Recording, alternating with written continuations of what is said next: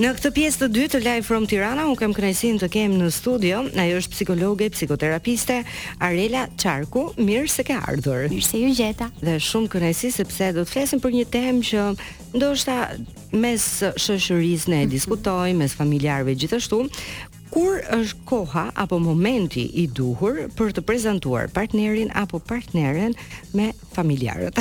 Mhm.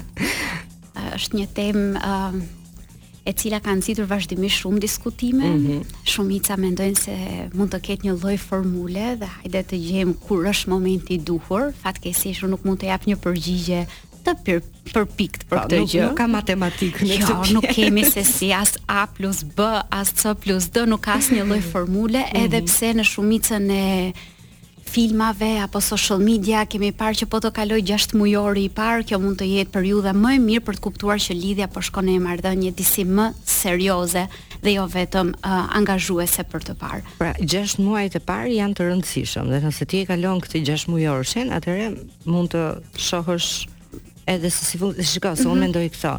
Ëm um, 6 muajt e parë është si muaj mjalti mendoj mm -hmm. në, një mhm. njohje të re, që çdo gjë duket shumë e bukur, çdo gjë është fantastike, mm -hmm. secili shkon në shtëpinë e vet dhe gjërat po vazhdojnë po po normal, por pastaj vjen një moment që duhet përballesh me me realitetin apo jo. Mm -hmm. Praktikisht, ne si qenie sociale do të na duhet minimumi tre muaj që të krijojmë një bazë atashimi, sigurie. Pra, vetëm që ta dimë ky është një terren i sigurt për t'u angazhuar më tepër.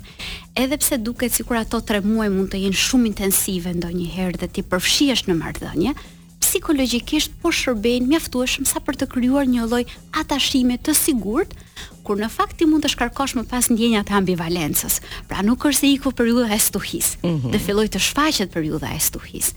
Prandaj është dhe ajo çfarë ju thoni që 6 muajt e parë ti mund të dalësh ndërveprosh duket si periudha e mjaltit. Po. Duket sepse ti po formon atashimin e sigurt, por jo domosdoshmërisht për të kaluar në diçka më serioze, mm -hmm. mjaftueshëm mirë për të shkarkuar çfarëdo lloj labiliteti emocional që ti ke së brendshmi.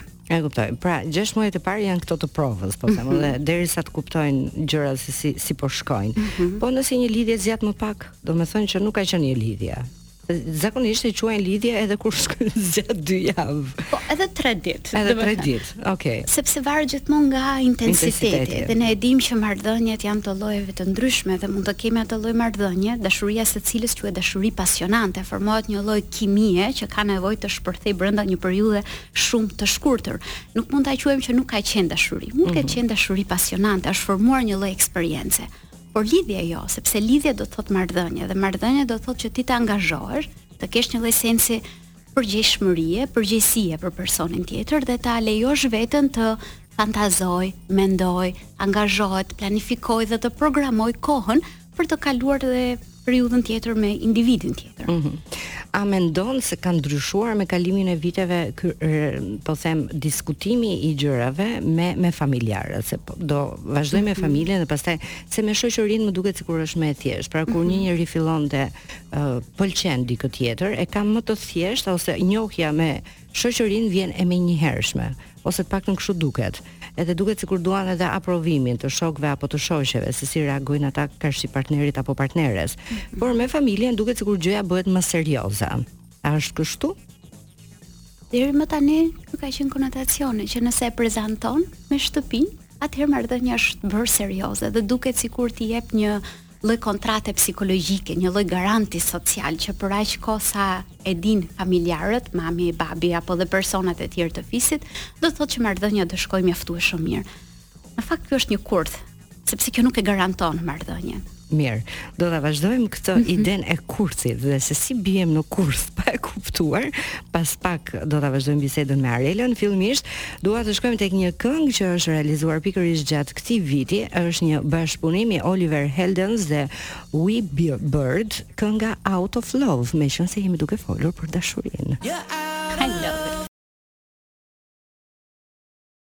Arela e lamë bisedën së bashku te kurthi, si biem ne në kurth pa vetëdije në këtë rast, sepse kur vendos kurthe në thonjza me vetëdije ti je koshient se çfarë pret back mhm. mbrapsht. Por në këtë rast si si biem ne në kurthe të vegjël, në kurthe të vogla, pa e kuptuar, ndonjëherë do thoya që kurthet janë dhe me vetëdije, sepse mm -hmm. të gjithë ne rritemi në familje që kanë disa pritshmëri. Po, normal. Dhe ndonjëherë është predispozita që edhe pse mendojmë se po rebelohemi, e gjejmë veten duke bërë të njëjtën rrugë që mund të përmbushë pritshmëritë që familja ka ngritur për mm. ty. qoftë kjo në edukim, qoftë kjo në gjetjen e partnerit, në tiparet që mund të ketë partneri apo partnerja dhe në mënyrën se si uh, mund të kemi tendencën edhe të fantazojmë se si mund të gëzohet mami, babi apo dhe personat e tjerë të krenohen me zgjedhjet që kemi bërë. Kështu që ky kurth është gjysmë i vetëdijshëm. sepse ti shkon dhe përzgjedh dikë që ka ato tipare që ty t'i kanë ushqyer përgjatë jetës. Mm -hmm. Nga ana tjetër ti beson se ke uh, lirinë e marrjes së vendimit kur në fakt ti gja ke shkuar dhe përzgjedh dikë me tipare të sugjestionuara që nga historia familjare. Dhe si shpëtojmë ne nga ky kurth? Oh, është e vështirë. Kjo është pjesa më e vështirë. Është më e vështira sepse shumica fillojnë dhe e kuptojnë duke bërë pyetjen vetes, a jam i e lumtur mm -hmm. me personin që kam përkrah. Dhe ka shumë persona që nuk e kuptojnë se mund të mos kenë lumturi dhe pse partneri apo partnerja i përmbush të gjitha kriteret. Um. Qoftë kjo në formimin, qoftë kjo në mënyrën se si i bëjnë të ndihen, se si i trajtojnë, përsërisht ka një boshllëk. Ai boshllëk do kuptuar dhe shpesh herë kur e kuptojmë, mundet ose ta represojmë, ta shtypim dhe themi jo, ça po më thotë mendja, nuk është e vërtetë. Mm -hmm. Mundet që herë të tjera do të na duhet ta zotërojmë të vërtetën tonë, por zotërimi mund të nënkuptojë dhe shkatërrimin e marrëdhënies që me zor i ke ngritur deri në atë pikë. Po a jemi gati ne? Nëse e vërteta është kjo që ndoshta për një arsye apo dy arsye të tjera pavarësisht dukjes që çdo gjë duket shumë mirë, nuk shkojnë dy gjëra, po them, mm -hmm. ndoshta ne duhet të përballemi me të vërtetën në një moment të caktuar dhe pavarësisht se sa dhimbje mund të japi kjo e vërtetë? Sigurisht, do vijë ai moment. Ajo çfarë sjell vuajtje është që ky moment shtyhet gjithnjë e më tepër dhe fillojnë dhe shtohen rastet, uh, duke qenë se jam psikologe, vijnë në terapi për um, çrregullime seksuale, mm -hmm. për çështje të impotencës për çështje të disfunksioneve psikologjike, luhatjes së humorit, ankthit apo gjendjes depresive. Pra japin dorën njëri tjetrit për të kaluar një vuajtje të thellë psikoemocionale në vend që të përballohen me atë çfarë vërtet kanë nevojë të flasin apo t'ia shprehin njëri tjetrit. Se unë vazhdoj të mendoj që tek ne mbetet ende tabu, pavarësisht se gjërat kanë ndryshuar me kalimin e kohës dhe mhm. uroj që të ndryshojnë në në vijimësi, ngelen prapë tabu diskutimet për sa i përket marrëdhënieve seksuale. Ngelen tabu që ne nuk i diskutojmë jo më me prindrit, por nuk i diskutojmë as me miqtë, shpesh herë, mm -hmm. sepse është gjithmonë kjo, është turp, është turp, është turp. Turp dhe faj. Dhe faj. Të rast ka dhe ndjenja të forta faji. Dhe turpi shkon për te fakti se çfarë do mendojnë të tjerët. Turpi shkon në pjesën që ti ndihesh nëse je një djalë i zhburrëruar, dhe nëse je një grua ke dëmtime të forta të vetëvlerësimit në bazë se çfarë po e shkakton mungesën e dëshirës seksuale te partneri. Dhe këtu pastaj mund të merren disa testime të vogla me kontekstin rreth e rrotull për të parë nëse ti je ti në rregull apo është partneri yt që ka diçka tjetër që nuk shkon. Dhe në momentin që fillojnë këto lloj testimesh, pra ti e gjen veten për të parë nëse je tërheqëse mjaftueshëm duke flirtuar me dikë tjetër, që në këtë moment kemi marrë dy rrugë të ndryshme në çift. Ndërkohë do thoja që um, familja ose nëna në shtëpi, mm -hmm. zakonisht e din dhe e ndjen kur ka diçka që nuk shkon me djalin dhe me vajzën. Pavarësisht se mund të ndjehet e frikësuar për t'i pyetur dhe adresuar më shumë çështjet, sepse kjo mund të sjellë një lloj uh, vendimmarrje që nuk do donin ta dëgjonin, nuk do donin që fëmija e tyre i rritur t'i kalonte. Pra i shpëtojnë të vërtetës, i largohen. I largohen, i largohen, e represojnë gjithnjë më tepër. Wow, më le pa fjalë. Okej, okay, kur flasim ne për marrëdhëniet dhe mm -hmm. gjithmonë kalojmë nga tema në temë dhe është një fushë shumë e gjerë. Por unë dua t'i rikthehem edhe një herë njohjes me familjen. Mm -hmm. Ju e thatë pak më parë që nuk ka asnjë gjë të prerë me thikë, është gjithçka se si e ndjen ose se si është rritur. Se më kujtohet Olsi Bylyku në Big Brother që mamaja e tij kishte thonë nuk do të më sjellësh asnjë vajzë në shtëpi deri në momentin që ti e ke ndarë mendin që e ke seriozisht lidhjen me to. Pastaj ne mund ta mendojmë që lidhja mund të jetë serioze, por se çfarë ndodh me kalimin e kohës është një tjetër gjë. Por më duket sikur janë krijuar mm, dy ekstreme, po i quaj unë, dhe kjo rruga e mes e mesme është gjithmonë e vështirë për t'u gjetur. Njoh personalisht familje që djemt apo vajzat, përgjithsisht ndodh me djemt, jo me vajzat, me vajzat më rrallë ndoshta, por djem që në momentin e parë të entuziazmit që kanë njohur një vajzë të re, kanë tendencën për ta prezantuar me familjarët dhe është edhe kjo pjesa tjetër që nuk e lejojnë këtë gjë. Dhe dua të merremi pak me të dyja se mua më duken ekstreme. A janë vërtet ekstreme apo Unë nuk e di nëse është entuziazmi i djemve për ta prezantuar apo për të treguar aftësinë e vet për të gjetur një vajzë të mirë mjaftueshëm që mund ta prezantojë në familje. Mhm. Mm Unë këtu shkoj prapë tek ai kurthi. që në këtë rast djemtë përmbushin pritshmëritë e familjarëve dhe entuziazmi mund të vi pikërisht për gjën që ja, e përmbushëm. Mm -hmm. Ndërkohë për sa i përket prezantimit, mendoj se um, një ndër gjërat më të shpeshta që harrohet është komunikimi në çift. Unë mund të ndihem gati me të prezantuar, po tjetri a ndihet gati për t'u prezantuar. Po. Dhe shpesh herë neglizhohet ky komunikim. Vajzat mund të merren të mirëqena në sensin që e duan që të prezantohen dhe duan që marrëdhënia të jetë serioze. Ndoshta jo se duket ose është krijuar në mm -hmm. pikëpamjen e tyre që nëse ti shkon dhe prezantohesh me familjen e partnerit, duket sikur gjëja është më serioze.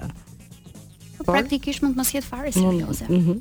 Dhe asnjë vajzë nuk meriton të merret e mirëqen që do ta duan këtë lloj serioziteti, një lloj si vajzat edhe djemt kanë të drejtën e tyre për të provuar eksperienca të ndryshme dhe të marrin kohë vërtet ta përjetojnë eksperiencën. Pra, sikurse po ndanim pak më përpara, jo thjesht të takohen kafeneve apo fundjavave bashkë, por t'i japin mundësi njëri tjetrit të bashkëjetojnë dhe të shohin se si ndihen në marrëdhënie në çift. se si ndihen në ndarjen e roleve, se si ndihen në ofrimin e dashurisë, se si ndihen në komunikimin e gjendjes së tyre emocionale dhe të kuptojnë nëse janë duke projektuar nevoja emocionale të paplotësuara nga fëmijëria, nëse po e përdorin tjetrin për të zhbërë një lloj traume të caktuar që mund të kenë pasur nga marrëdhëniet e mëparshme, apo se vërtet janë dy persona të rritur, të përgjegjshëm, që i zgjasin dorën njëri-tjetrit për të bërë një rrugëtim së bashku. Dhe procesi i komunikimit në çift se kur duhet të ndodh prezantimi, minimalisht duhet të marrë disa javë apo muaj kohë për të ndarë çfarëdo lloj dimensioni dhe kufijtë. Mm -hmm. Se ja u prezantove. Pastaj fillojnë kemi Do ta vazhdojmë mm -hmm. se çfarë ndodh pas prezantimit, çfarë ndodh me vajzën dhe çfarë ndodh me djalin, se gjithmonë ndryshojnë. Nuk mm -hmm. kanë të njëjtën ndjesi, ndjeshmëri edhe perceptim për sa i përket marrëdhënies. Fillimisht ne do të shkojmë tek një këngë e vitit dy mijë e shtatëmbëdhjetë, është Camila Cabello me Young Thug me këngën Havana.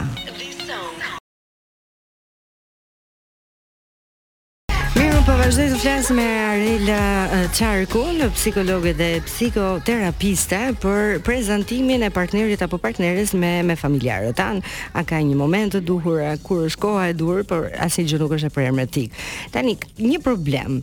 Dakord. E marrim të mirëqenë që ky çift i ri e vendosin, pavarësisht se ti e the pak më parë që djemtë e bëjnë të mirëqenë më shumë. Nuk është se e pyesin partneren, a ke dëshirë ti të të njoh unë me familjarët e mi? Marrin të mirëqenë faktin që ajo do gëzohet, sepse ja unë po i ofroj sigurinë që ajo ka nevojë. por mund të mos jetë kjo siguria që ka nevojë, thjesht që familja e din.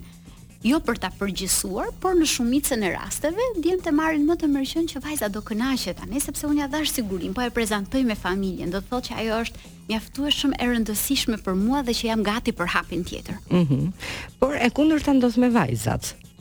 që nëse kanë një lidhje, mm, nuk është se shkojnë direkt për ta demonstruar në familje, pavarësisht se sa kohë mund të kenë me këtë personin.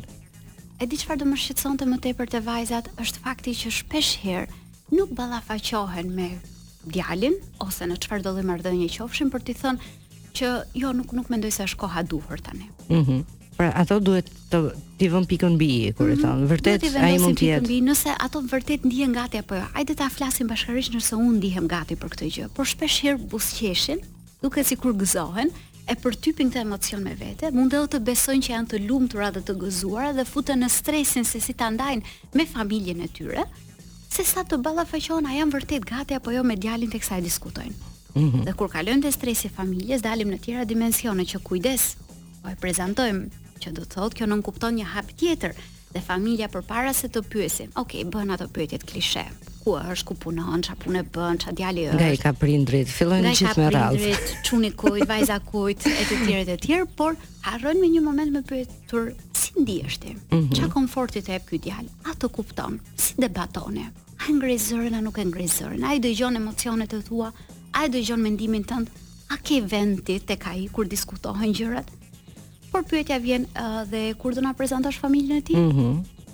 ose pas sa kohësh, kur mendoni t'i bëni gjërat serioze se po më pyesin tezja dhe lagja gjithë, që të kanë parë nga makina zbrite ose çfarë gjërash ndodhin. Kështu që kur do bëhen gjërat më tepër serioze dhe vajza e gjen veten duke shkuar sërish tek djali që mendoj se duhet t'i japim një emër tani. Okej, okay, u prezantuan familjet, po le të mos jetë më familjare. Mm -hmm. Le të kalojë në diçka tjetër më të madhe. Ndërkohë që të dy mund të mos ndihen aspak gati për të gjithë këto hapet e tjera. sepse asnjëri nuk i ka bërë vend vetes në marrëdhënie dhe jo më për ta mbrojtur nga kufinjtë që prindërit munden që t'i uzurpojnë. Mhm. Mm Tani unë po mendoja diçka tjetër. Ndërkohë, mund të bëhet edhe njohja me familjen, mm -hmm. por marrëdhënia nuk shkon ashtu siç pritet.